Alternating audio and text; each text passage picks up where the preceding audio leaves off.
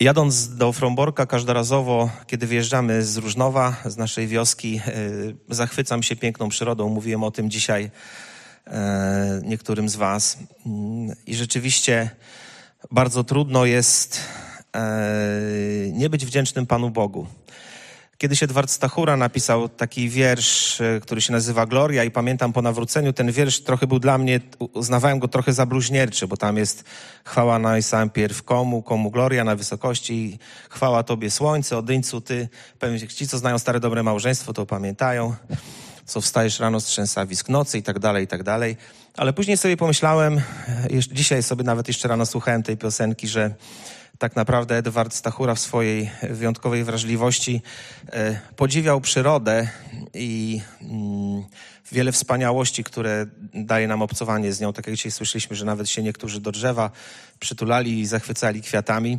E, mamy, my mamy ten przywilej, że podziwiając przyrodę, na przykład na trasie Dywity Fromborg, możemy kierować nasz wzrok ku temu, który to wszystko stworzył, tak? Czyli podziwiając skutek, e, zachwycamy się przyczyną podziwiając e, efekt, oddajemy chwałę temu, który za tym efektem stoi. To jest mm, taka mm, mała, drobna rzecz, chociaż nie będę dzisiaj mówił, mówiąc o wielkich skutkach drobnych czynów, nie będę mówił o zachwycie nad przyrodą, ale będę mówił, jeśli Pan Bóg pozwoli, że mnie zrozumiecie, będę mówił o tym, że mm, e, czasami wielkie i spektakularne rzeczy, czyny, wydarzenia mają miejsce w bardzo zwykłych, codziennych, prozaicznych czynnościach. Mm, to się robi tutaj, tak?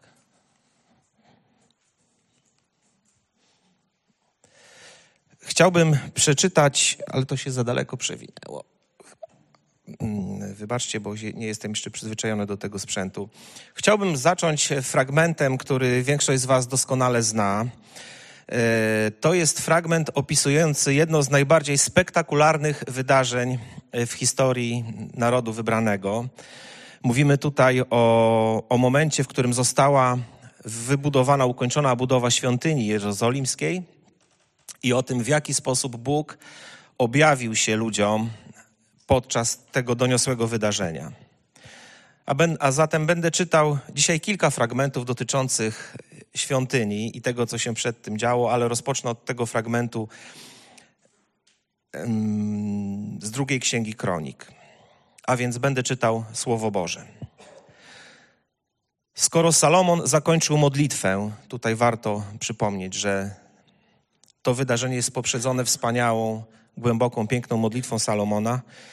Zawsze mnie to dziwi i, i podziwiam Pana Boga, że on zaczekał, aż Salomon skończy się modlić i nie przerwał mu, tylko po tym dopiero ten ogień przyszedł.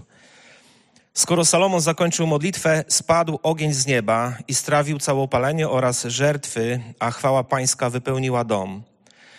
Kapłani nie mogli wejść do domu pańskiego, ponieważ chwała pańska napełniła dom Pana.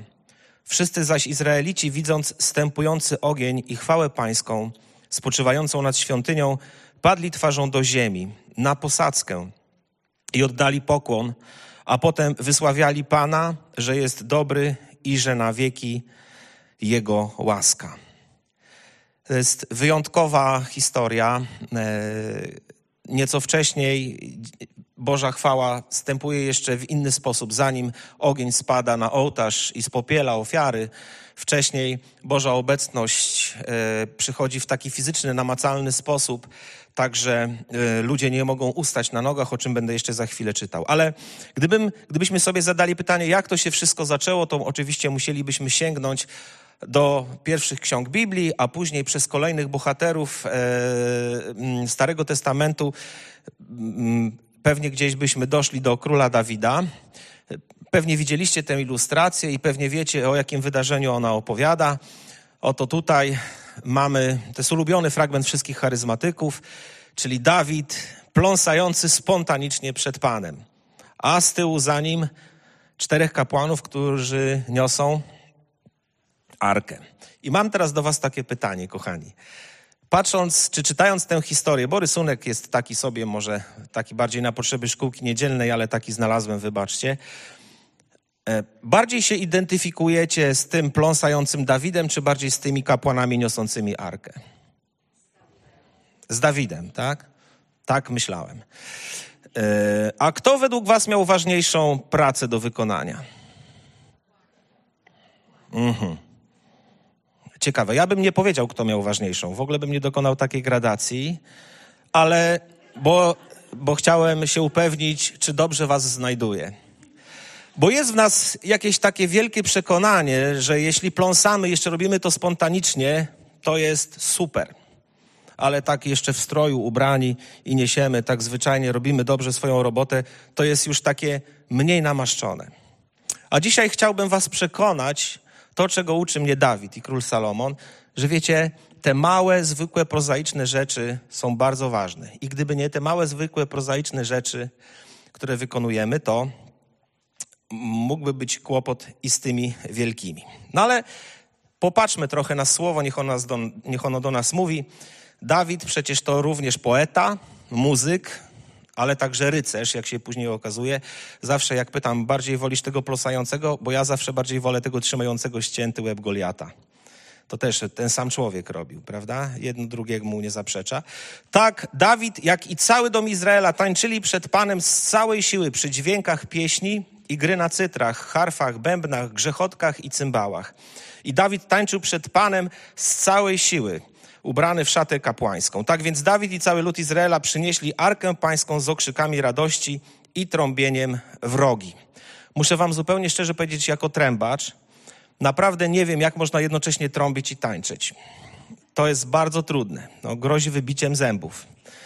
E, właściwie to jest niemożliwe. Więc myślę, że oni musieli to sobie jakoś rozwiązać e, na zmianę, tak? Mhm. Okrzyk, trąbienie, okrzyk, trąbienie. Ale no to, to, jest, to jest bardzo ciekawe, kiedy ja patrzę na to okiem muzyka, jak to wyglądało, ale bardzo mi się podoba, że mm, to ta gra na szofarach to, to były takie e, rogi zwierzęce, że Panu Bogu to się bardzo podobało. Granie na trąbach. A więc mamy Dawida, ale mamy też, i pamiętacie, tam jest taka historia, już nie będę do niej wracał, że kiedy ktoś do tego niepowołany dotknął się arki, to padł martwy. To pokazuje, że ci kapłani, którzy nieśli arkę, naprawdę mieli ważną rzecz do zrobienia. I to nie jest tak, że ponieważ Dawid pląsał, i w ogóle było, było ogólne, ogólne poruszenie, to było to takie zwykłe, cielesne poruszenie. Było coś w tym z majestatu i ze świętości Boga. E, nie każde pląsanie, jak to ktoś powiedział, jest w Duchu Świętym. Ja nie wiem, jak odróżnić jedno od drugiego, ale wiem, że kiedy Bóg przychodzi, kiedy pojawia się Jego obecność, to naprawdę nie ma żartów. I bardzo dobrze, że tak jest. I dalej czytamy, gdy tedy sprowadzili skrzynię Bożą, to już jest jedno z doświadczeń Dawida. I wybaczcie, te fragmenty nie będą chronologicznie, ale ja wyjaśnię dlaczego. Gdy tedy sprowadzili skrzynię Bożą i ustawili ją w środku namiotu, który Dawid kazał dla niej rozpiąć, złożyli ofiary całopalne i ofiary pojednania przed Bogiem. Gdy zaś Dawid dokończył składania ofiar całopalnych i ofiar pojednania, pobłogosławił lud w imieniu Pana i kazał rozdzielić między wszystkich Izraelitów, zarówno mężczyzn, jak i kobiety, po bochenku chleba, po kawałku mięsa i po kołaczu z rodzynkami. Kolejna wspaniała, sakralna czynność, prawda? Kiedy Bóg przychodzi, to Dawid, prowadzony w wierze przez Pana, daje ludziom, wiecie, kartofelki, mięsko i deserek. To jest niezwykłe. Jak bardzo Pan Bóg jest dobry i łaskawy. Jak bardzo często nasze powierzchowne wyobrażenia, co to znaczy Boża moc i Boża obecność, może się rozminąć z tym, e, co rzeczywiście Pan Bóg chce robić. I dalej jest ważna rzecz, tutaj pozwoliłem ją sobie podkreślić. Dawid ustanowił też niektórych z Lewitów do posługi przed skrzynią pańską, ażeby wspominali, dziękowali i wychwalali Pana Boga Izraelskiego. I to jest dość niezwykłe, że Dawid to po prostu ustanawia, wyznacza. No, jako król mógł. I wyznaczył między innymi Asafa jako przodownika, jego zastępcę Zachariasza, potem Jajela, Szemiramota, Jachiela, Matijasza, Eliaba, Benajasza, Obeda Edomczyka, Jejela przy instrumentach takich jak harfy i cytry, Asafa zaś przy donośnych cymbałach. Tu należy pamiętać, że to tłumaczenie cymbały nie chodzi o cymbały takie jak u nas, czyli cymbały to jest instrument strunowy uderzany pałeczkami. Tamto cymbały to bardziej chodziło o, o talerze, tak? Następnie kapłanów Benajasza i Jachaziela, aby ustawicznie trąbili przy skrzyni przymierza Bożego w tym samym dniu po raz pierwszy Dawid nakazał Asawowi i jego krewnym dziękować Panu. Autor drugiej księgi kronik uznał za stosowne odnotować, że to właśnie tego dnia, od tego momentu pojawił się nowy nakaz w Izraelu, żeby dziękować Panu. I wyobrażam sobie, jak mali izraelscy chłopcy rozmawiają sobie i mówią: A co robi twój tata? A mój tata to jest pasterzem. A twój? E, mój zajmuje się kamieniarstwem, jest rzemieślnikiem i robi różne rzeczy. A twój? A mój trąbi, gra na trąbce. Ale jak to gra na trąbce? No, no, no normalnie, no. no. Nazywa się na przykład Jechiel i po prostu wstaje rano, bierze trąbkę na plecy, idzie do świątyni i tam trąbi nieustannie. I powiem wam zupełnie szczerze, na trąbce nie da się grać dłużej niż 10 minut bez przerwy, bo jest to fizycznie niemożliwe. Nie da się. Dlatego, że podobnie jak na współczesnej trąbce, tak samo i na tych zarówno rogach, szofarach, jak i na tych srebrnych trąbach, które były wykute specjalnie na potrzeby świątyni, źródłem dźwięku są nasze bardzo delikatne mięśnie, czyli mięśnie okrężne ust. I tak to się dzieje, że już po kilku minutach po prostu trzeba przerwać, odpocząć, bo fizycznie się nie da rady. E, po prostu to jest niemożliwe. Więc naprawdę zastanawiam się, ile ci ludzie musieli ćwiczyć, jaką musieli mieć gigantyczną kondycję, żeby cały czas grać. Wyobrażam sobie, że na zmianę. E, ja nie chcę tego trywializować, ale zdarzyło mi się kilkukrotnie w życiu jako muzykowi wyjechać na tak zwany kontrat i na przykład grałem w będzie cyrkowym. E, w odradzam wszystkim chodzenie do cyrku. Ja po tamtym epizodzie już nigdy więcej do cyrku nie poszedłem, dlatego że widziałem, jak się tam obchodzą ludzie ze zwierzętami, więc zdecydowanie wam odradzam. Nie dawajcie treserom zarobić ani złotówki, to moja prywatna rada. E, w każdym razie e, okazało się, że jeden z kolegów, który miał mnie zastępować, no ponad muzykę przekładał inne e, rozrywki i w praktyce musiałem grać cały czas pierwsze trąbki, 3-4 spektakle dziennie, co było mordercze. Ale to wymaga ciężkiej pracy i ćwiczenia. I wiecie, myślę sobie, że za tymi spektakularnymi wydarzeniami, o których za chwilkę jeszcze przeczytamy i już czytaliśmy, ja powrócę jeszcze do tego pierwszego slajdu, żeby ci ludzie mogli codziennie i nieustannie grać. Oni musieli drugie tyle albo dwa razy więcej w domu ćwiczyć i pracować. Inaczej się nie dało, wierzcie mi. Nie przeszkadzaj tacie, bo tata ćwiczy na trąbce. A, mamo, a po co tata ćwiczy na trąbce? Żeby grać na trąbce przed naszym Bogiem w świątyni. Aha, cicho, bawmy się cicho, bo tata ćwiczy na trąbce, żeby grać. Powiedzcie, czy to jest, czy ćwiczenie w domu na trąbce to jest czynność sakralna, czy niesakralna? Wiecie co? Dla wierzącego człowieka wszystko jest sakralne. Wszystko służy Bogu. Bo zanim coś gdzieś na przykład powstanie jak na święcie dziękczynienia, to jest po prostu cudowne, co tutaj się działo ostatnio. Ja się bardzo, bardzo nisko kłaniam wszystkim tym, którzy tyle pracy i wysiłku wkładają. Zanim przyjdziemy i zanim to się wszystko zadzieje, zanim Grażynka tymi wszystkimi ludźmi ze sprawnością, wiecie, on powinna mieć doktorat albo habilitację z logistyki. Raz, dwa, trzy, dziesięć minut, wiecie, już wszystko jest. Za tym stoi zwykła, prozaiczna, ciężka praca. Żeby było ładnie, żeby było ciepło, żeby było czysto. To są wszystko rzeczy niespektakularne, ale dzięki nim Boża chwała, Boża obecność może przychodzić do naszego życia.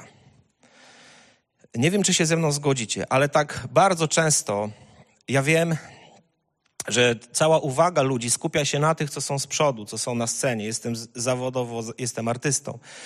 Ale wiem, że za, za tym, żeby taki artysta mógł wystąpić i zagrać, musi pracować cały ogromny sztab ludzi. administracji, ludzi od promocji, oświetleniowców, obsługi i tak dalej, i tak dalej, i tak dalej. I niby jest to oczywiste, ale gdzieś nam to uchodzi. Wiecie, chciałbym to powiedzieć i zachęcić wszystkich was, szczególnie tych nieczujących. Dzisiaj tutaj wiele razy padło słowo czułam, czułem i czuję. Wiecie, naprawdę powiem wam, siostry, może to was dziwi, ale wielu facetów naprawdę nie czuje. Albo czuje zupełnie inaczej niż wy czujecie. Nie egzaltuje się, nie rozumie tej waszej egzaltacji. Po prostu stoją na tym nabożeństwie. Ale słuchajcie, oni też mają swoją szekinach. Też do nich przychodzi Bóg, tylko często w inny sposób.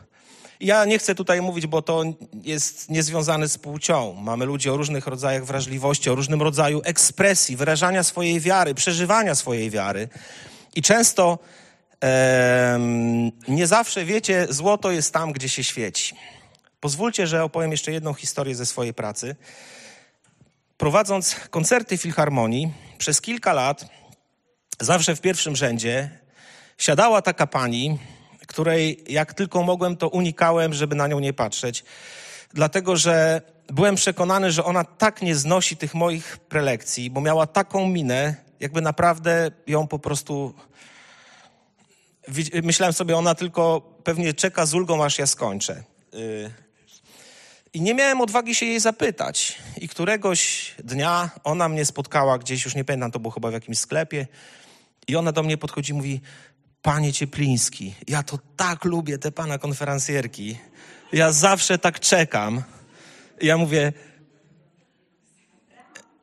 chyba pani żartuje. I wybaczcie, to nie o to chodzi, żebym ja się tutaj z wam pochwalił, ale ja się po prostu przez parę lat męczyłem i bałem się i było mi przykro, że ona cierpi z mojego powodu. Ona miała po prostu, kiedy się skupiała, miała taki wyraz twarzy, że wyglądała jakby ją coś bolało. A to był zachwyt. Dlatego, słuchajcie, nie wszystko złoto, co się świeci. Wyobraźcie sobie, że ktoś taki jest w kościele. Dotyka go Bóg. A ty podchodzisz i mówisz, bracie, ja się będę o ciebie modlił, bo widzę, że cierpisz. Mówi, nie, ja nie cierpię, ja właśnie przeżywam euforię. Tylko trochę inaczej niż ty. Wiecie, bo często zwykłe sprawy dają początek wielkim, czy wielkim rzeczom i wielkim wydarzeniom. I śmiałem zaryzykować, że Pan Bóg z jakiegoś powodu lubi yy, i zanim przyjdzie ta Boża chwała, zanim ogień zejdzie na ołtarz, zanim kapłani padą na swoje twarze, ktoś musiał tę świątynię wybudować, ktoś musiał się nauczyć, jak obrabiać kamień, jak budować instrumenty, ktoś musiał się nauczyć grać, ktoś musiał się nauczyć śpiewać. I dopiero wtedy ta Boża chwała przychodzi. To jest piękne. A więc nieczujący albo czujący inaczej, niespontaniczni, mniej charyzmatyczni, czujcie się zachęceni. Bóg też was, też, też was kocha. A my czujący, my przekonani, że jak jest spontanicznie, głośno, że jak jest aleluja, jak tańczymy, jak skaczemy, że to wtedy jest Bóg, to wiedzcie, że nie tylko wtedy. Bóg jest obecny w różny sposób w życiu różnych ludzi.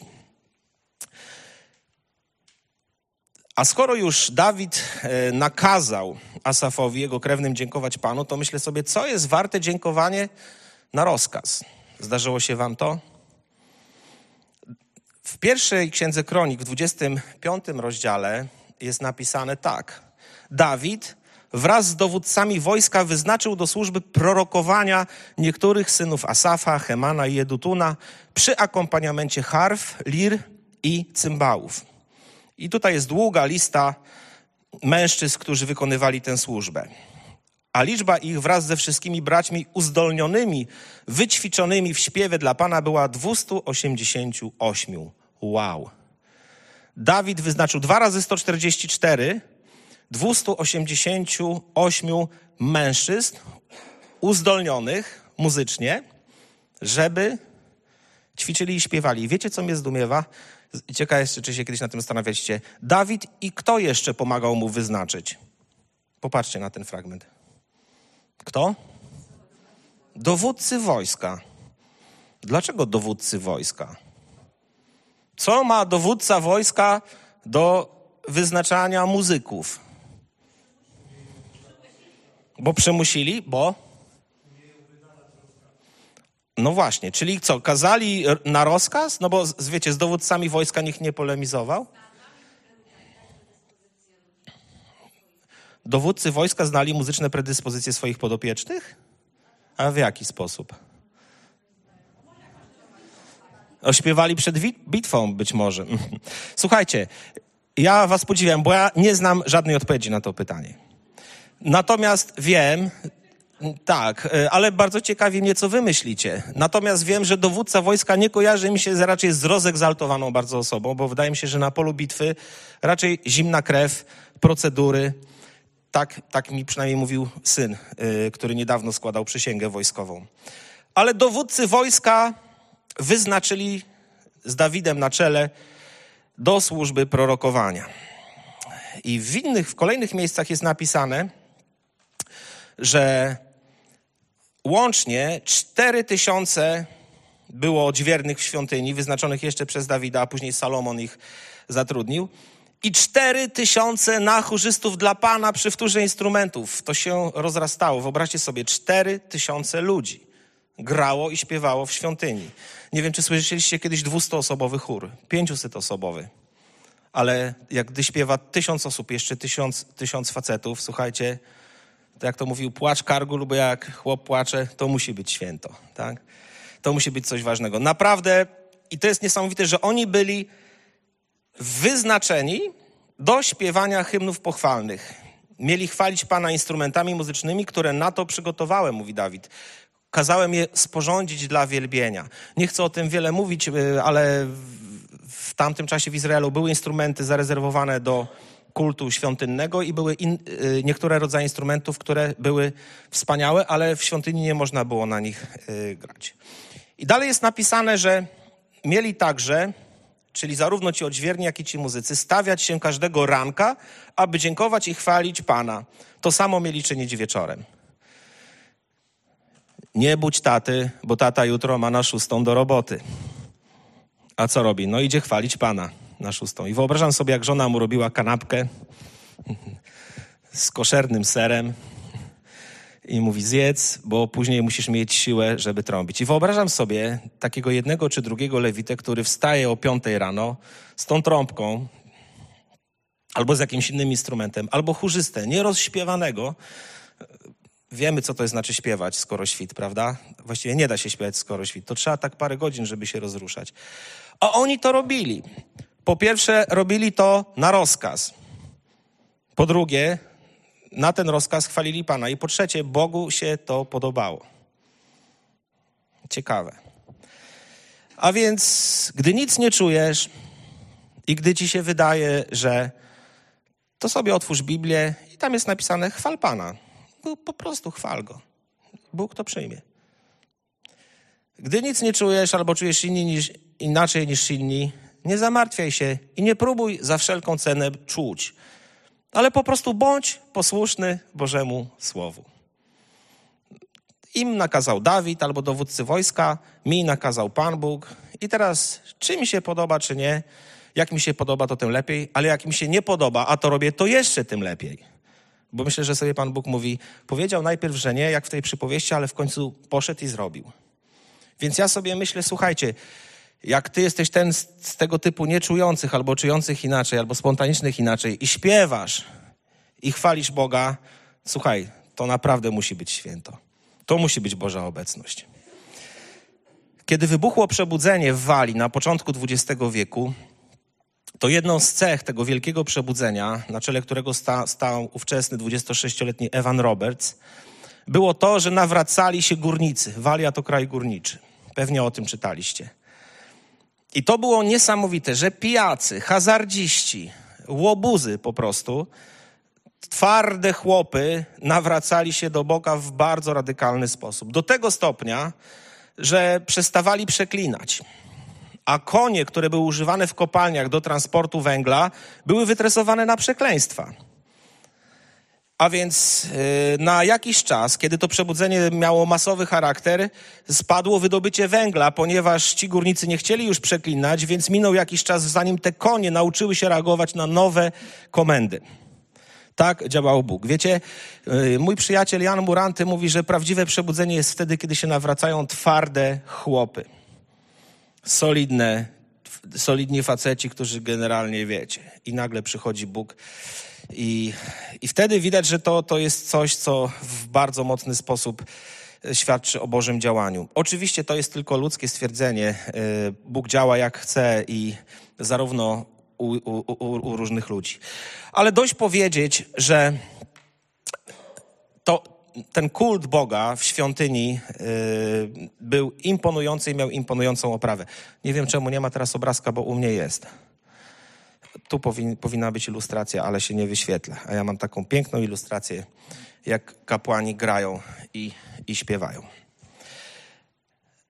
W księdze, w drugiej księdze Kronik czytamy, że kiedy wyszli kapłani z miejsca świętego, gdyż wszyscy znajdujący się tam kapłani oczyścili się, nie przestrzegając podziału na zmiany, wszyscy lewici śpiewający Asaf, Heman, Jedutun i ich synowie i bracia ubrani w bisior stali na wschód od ołtarza, grając na cymbałach, harfach i cytrach, a z nimi 120 kapłanów grających na trąbach. Przepiękny opis. I kiedy tak zgodnie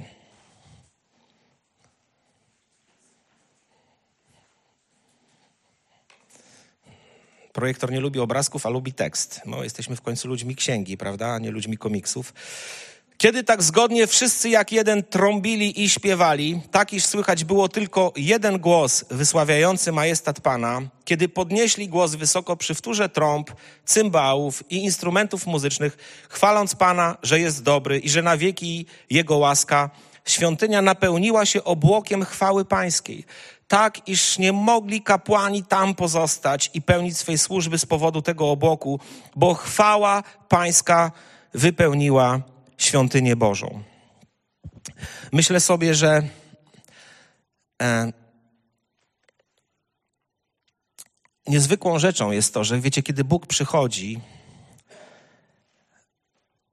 to raczej wtedy nie mamy czasu, żeby brać telefon komórkowy i robić zdjęcie z konferencji tylko raczej padamy na twarz i nie jesteśmy w stanie nic ze sobą zrobić, bo Boża obecność sprawia, że już o niczym innym nie myślimy, tylko o Nim. Pewnie jest tu na sali trochę osób, które doświadczyły, to są rzadkie momenty w naszym życiu, szczególnej Bożej obecności, kiedy Bóg przyszedł i wiedziałeś, że to jest On. Kiedy wiedziałeś, widziałeś całe swoje życie, że jedyne co możesz zrobić, to po prostu paść na twarz i nie miałeś nawet odwagi, żeby słowo wyrzec. Bo jego, jego obecność, Jego chwała, Jego miłość, Jego potęga, Jego majestat z jednej strony Cię przytłaczają, wgniatają Cię w ziemię, a z drugiej strony wiesz, że jesteś w najlepszym miejscu i chcesz powiedzieć, dobrze nam tu, nie zmieniajmy tego, niech ta chwila trwa, rozbijmy trzy namioty i pozostańmy tutaj, w tej Bożej obecności. To jest to wszystko, co sprawia, że, że chcemy być blisko Boga. Kapłani trwali przy swoich powinnościach, lewici zaś z instrumentami muzycznymi, które sprawił król Dawid, by wtórowały pieśniom na cześć Pana, bo na wieki Jego łaska, gdy Dawid wychwalał Go za ich pośrednictwem, naprzeciw nich trąbili kapłani i cały Izrael stał. I tutaj dużo by o tym można mówić. Wiele opisów. Ważne też, żeby pamiętać, że to było na tyle istotne dla Izraelitów, jak być może pamiętacie z księgi Zdrasza czy z księgi Nehemiasza, że po, w tak zwanej, podczas tak zwanej drugiej świątyni, kiedy ona była odbudowana, jedną z, z rzeczy, o które zadbali Izraelici, to było również odtworzenie tej służby muzycznej. I tam jest taki poruszający zawsze moje serce opis, że gdy zaczęli śpiewać i grać, to ci najstarsi płakali. Dlaczego płakali? Bo z jednej strony niektórzy się cieszyli, że oto mamy znowu świątynię i wielbimy Pana, ale ci starsi mówili, to jest tylko mały cień tego, co było za króla Salomona. I tam jest napisane, że naprze... łączyły się płacz i radość, że nie można było odróżnić, odróżnić jednych od drugich. To jest taki bardzo poruszający opis. Ale teraz zadałbym znowu wam pytanie. Jasiu, nie zadawaj nam pytań. Dlaczego stąpiła Boża chwała? Odpowiedź A. Czy to sprowadzili ją muzycy? Można już odpowiadać. Czy chwała Boża stąpiła, bo jest napisane, że jak oni grali, to stąpiła Boża chwała. To dlatego stąpiła, że grali, czy. Dobrze, odpowiedź B. Ponieważ Bóg tak obiecał, że jak zrobicie to, to, to, to, to, to ja przyjdę i zamieszkam pośród was. I odpowiedź C, ponieważ Dawid i Salomon uczynili wszystko zgodnie Bożym nakazem, a ta odpowiedź C nawiązuje do odpowiedzi B. To która was najbardziej Czyli co, muzycy sprowadzają Bożą chwałę, czy nie sprowadzają? Tak, Jola dobrze mówi, Bóg sobie sam przychodzi, kiedy chce. Słuchajcie, z całym szacunkiem, ale jakby był Bóg zależny od instrumentów i muzyków, to co to by był za Bóg? Bóg jest zależny od siebie i czyni wszystko według swojej woli i swojego zamysłu. Ale ja wiem jedno, że z jakiegoś nieznanego mi powodu szczególnie lubi stępować wtedy, kiedy my jesteśmy mu posłuszni. I robimy wszystko tak, jak nakazał. Bo jest napisane, że posłuszeństwo jest lepsze niż ofiara. A nie minęło trochę lat, kiedy w księdze Amosa prorok mówi, Bóg mówi przez proroka, zabierzcie ode mnie wrzask waszych pieśni. Już nie chcę waszych nowiów i sabatów. Jak to? Przecież to Bóg nakazał je świętować. I Bóg mówi, niech raczej prawo tryska. Posłuszeństwo chce, miłosierdzia, a nie ofiary. Tak to właśnie działa. Dlaczego? Dlatego, kochani, warto tęskniąc za tą szekinach, za tą Bożą obecnością, warto zamyśleć się i powiedzieć, Boże, jesteśmy w lepszych czasach niż Salomon, chociaż to niezwykle spektakularny opis. Ja wam powiem szczerze, chciałbym tam się znaleźć, gdyby była możliwość przenieść się, zobaczyć, jak wstępuje ogień z nieba, zobaczyć, jak przychodzi Boża obecność i ludzie nie mogą ustać na nogach. Zresztą takie sytuacje się w historii Kościoła też zdarzały podczas e, przebudzeń ale chciałbym tego doświadczyć. A z drugiej strony myślę sobie, że przecież dużo więcej stało się w Dzień Zielonych Świąt, kiedy już nie w miejsce wybudowane z kamieni, z cegieł, ale na ludzi, na nową świątynię stąpiła ta sama Boża obecność. Ale nie już w taki sposób, który, który yy, jakby wgniotła tych, tych ludzi w ziemię, jeśli wolno mi tak powiedzieć, ale w taki sposób, żeby uzdolnić tych ludzi do tego, żeby szli na cały świat i służyli i wspierali ludzi, żeby im pomagali. Dlatego wiecie, ta szara codzienność wydaje mi się bardzo świętą rzeczą. Ta szara codzienność naszych zwykłych spraw, wierności w małych rzeczach, w codziennych obowiązkach. Słuchajcie, te, to dla mnie cotygodniowe stawanie tutaj Marty, mnie tak buduje. To jest tak poruszające. To jest, to jest naprawdę niezwykła rzecz. Wierność w małych sprawach, bez względu na to, czy ten ogień przyjdzie, czy nie przyjdzie, bez względu na to, czy ziemia się zatrzęsie, czy nie. Ale gorzej by było, gdybyśmy zamiast koncentrować się na wierności Bogu w tych małych rzeczach, niespektakularnych, nie nadających się na pierwsze strony gazet, ba, nie nadających się na świadectwo w zborze, gdybyśmy zamiast tego zaczęli koncentrować się na tym, co zrobić, żeby ogień był, prawda?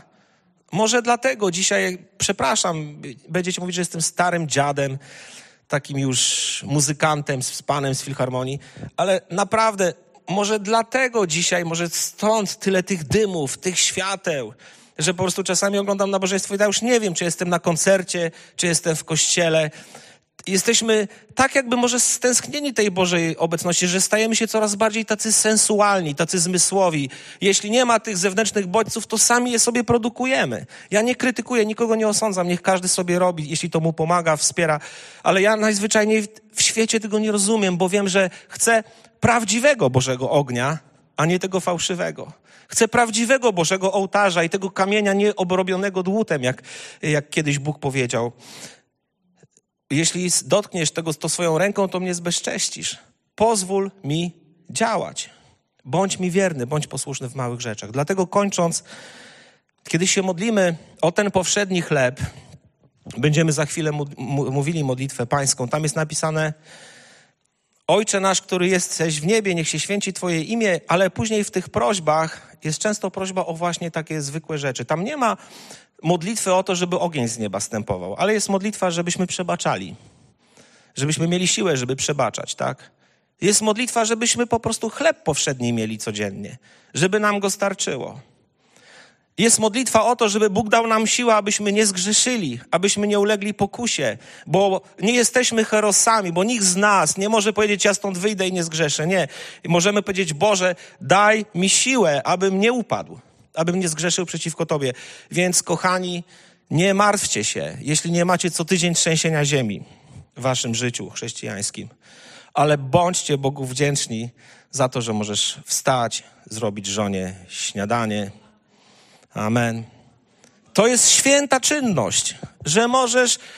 Ja przepraszam wszystkich facebookowych ekskibicjonistów, ale ja naprawdę nie rozumiem, dlaczego trzeba żonie wyznawać miłość na Facebooku, skoro siedzi obok. Jesteś kochana już 20 lat, jesteś najwspanialszą żoną. Ja mówię, chłopie, no weź, idź i to po prostu powiedz, po co to robisz na cały świat. Przepraszam, to jest dla mnie nienormalne. Weź jej y, samochód, jej tam umyj, odkurz jak ma. Jak nie ma, to jej kup.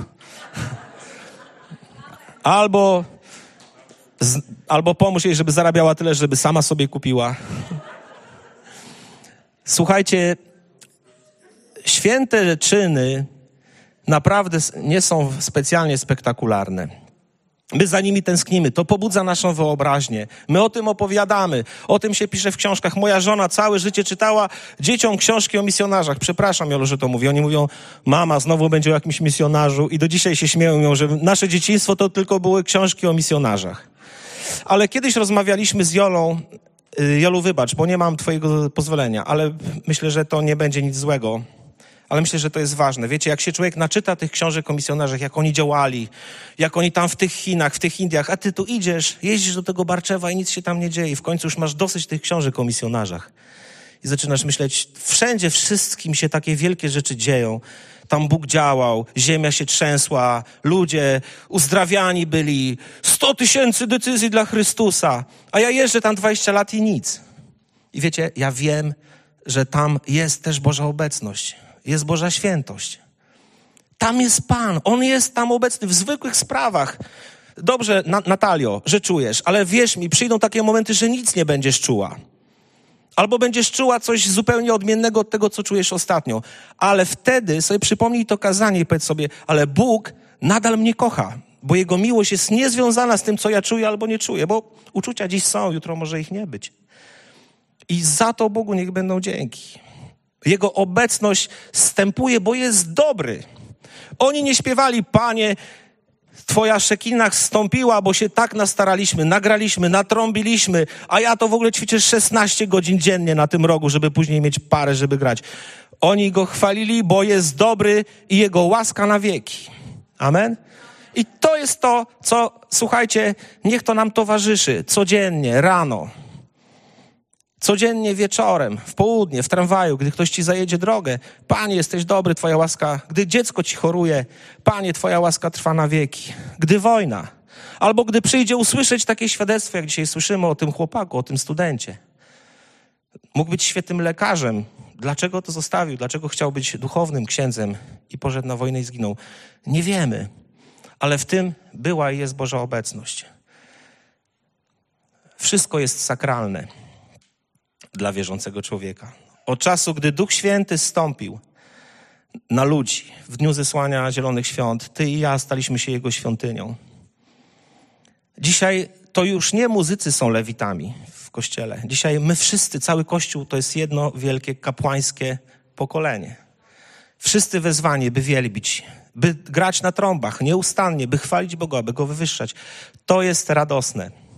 I wiecie, co jest najgorsze po takich kazaniach? Że teraz jak mi ktoś zajedzie drogę i się w nerwie i Ola mówi, haha, takie kazanie wygłosiłeś ostatnio.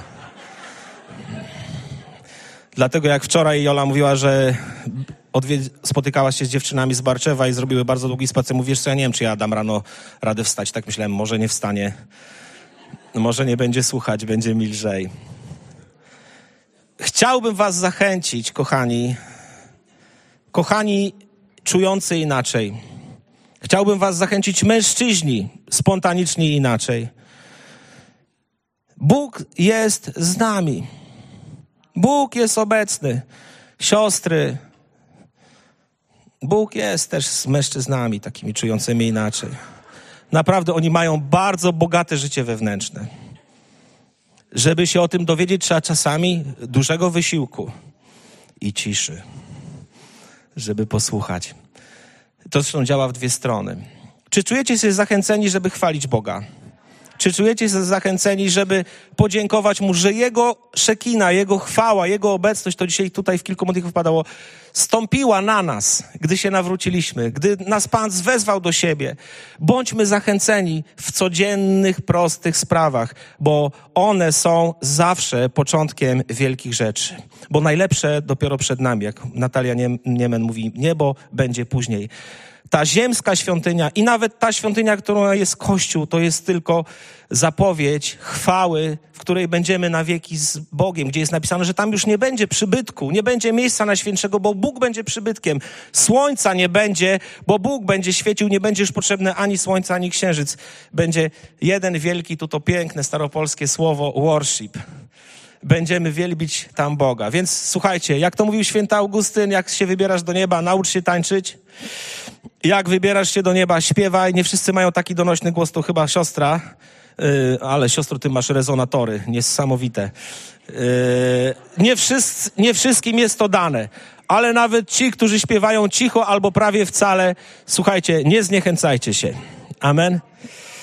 Amen powstańmy, by oddać Bogu chwałę, a jak będziemy dzisiaj śpiewać, to wierzę, że, że również zachęceni. A więc, kochani, ta szara codzienność i ten powszedni chleb wprost łączą się z tym, albowiem Twoje jest królestwo i moc i chwała na wieki wieków. Panie, dziękujemy Ci za te wszystkie wspaniałe postacie, które stworzyłeś, które powołałeś na przestrzeni dziejów. Dziękujemy Ci za Dawida, że pląsał przed arką. Dziękujemy Ci za kapłanów, którzy tę arkę nieśli. Panie, dziękuję Ci za świętość, która biła z Twojej obecności, że gdy osoby, które to zlekceważyły, dotknęły się, zostały uśmiercone. Stajemy, Panie, w ciszy i w zadumie nad tymi wydarzeniami. Panie, dziękujemy Ci, że Tobie się upodobało zamieszkać pośród ludzi, że kazałeś Dawidowi, a później Salomonowi wybudować świątynię. Panie, dziękuję Ci, że przyszedłeś do tej świątyni i obiecałeś, że gdy ludzie tam przyjdą i będą wzywać Twojego imienia, to Ty przyjdziesz i odpowiesz. I Panie, dziękuję Ci, że gdy ta fizyczna świątynia, gdy tam rozdarła się zasłona, Ty zbudowałeś sobie nową świątynię przez Syna swojego Jezusa Chrystusa. Już nie tylko dla jednego narodu, ale dla wszystkich ludów i języków, które chcą Tobie być posłuszne i chcą być Tobie wierne. Panie, dziękuję Ci, że dzisiaj Twoja obecność jest pośród nas.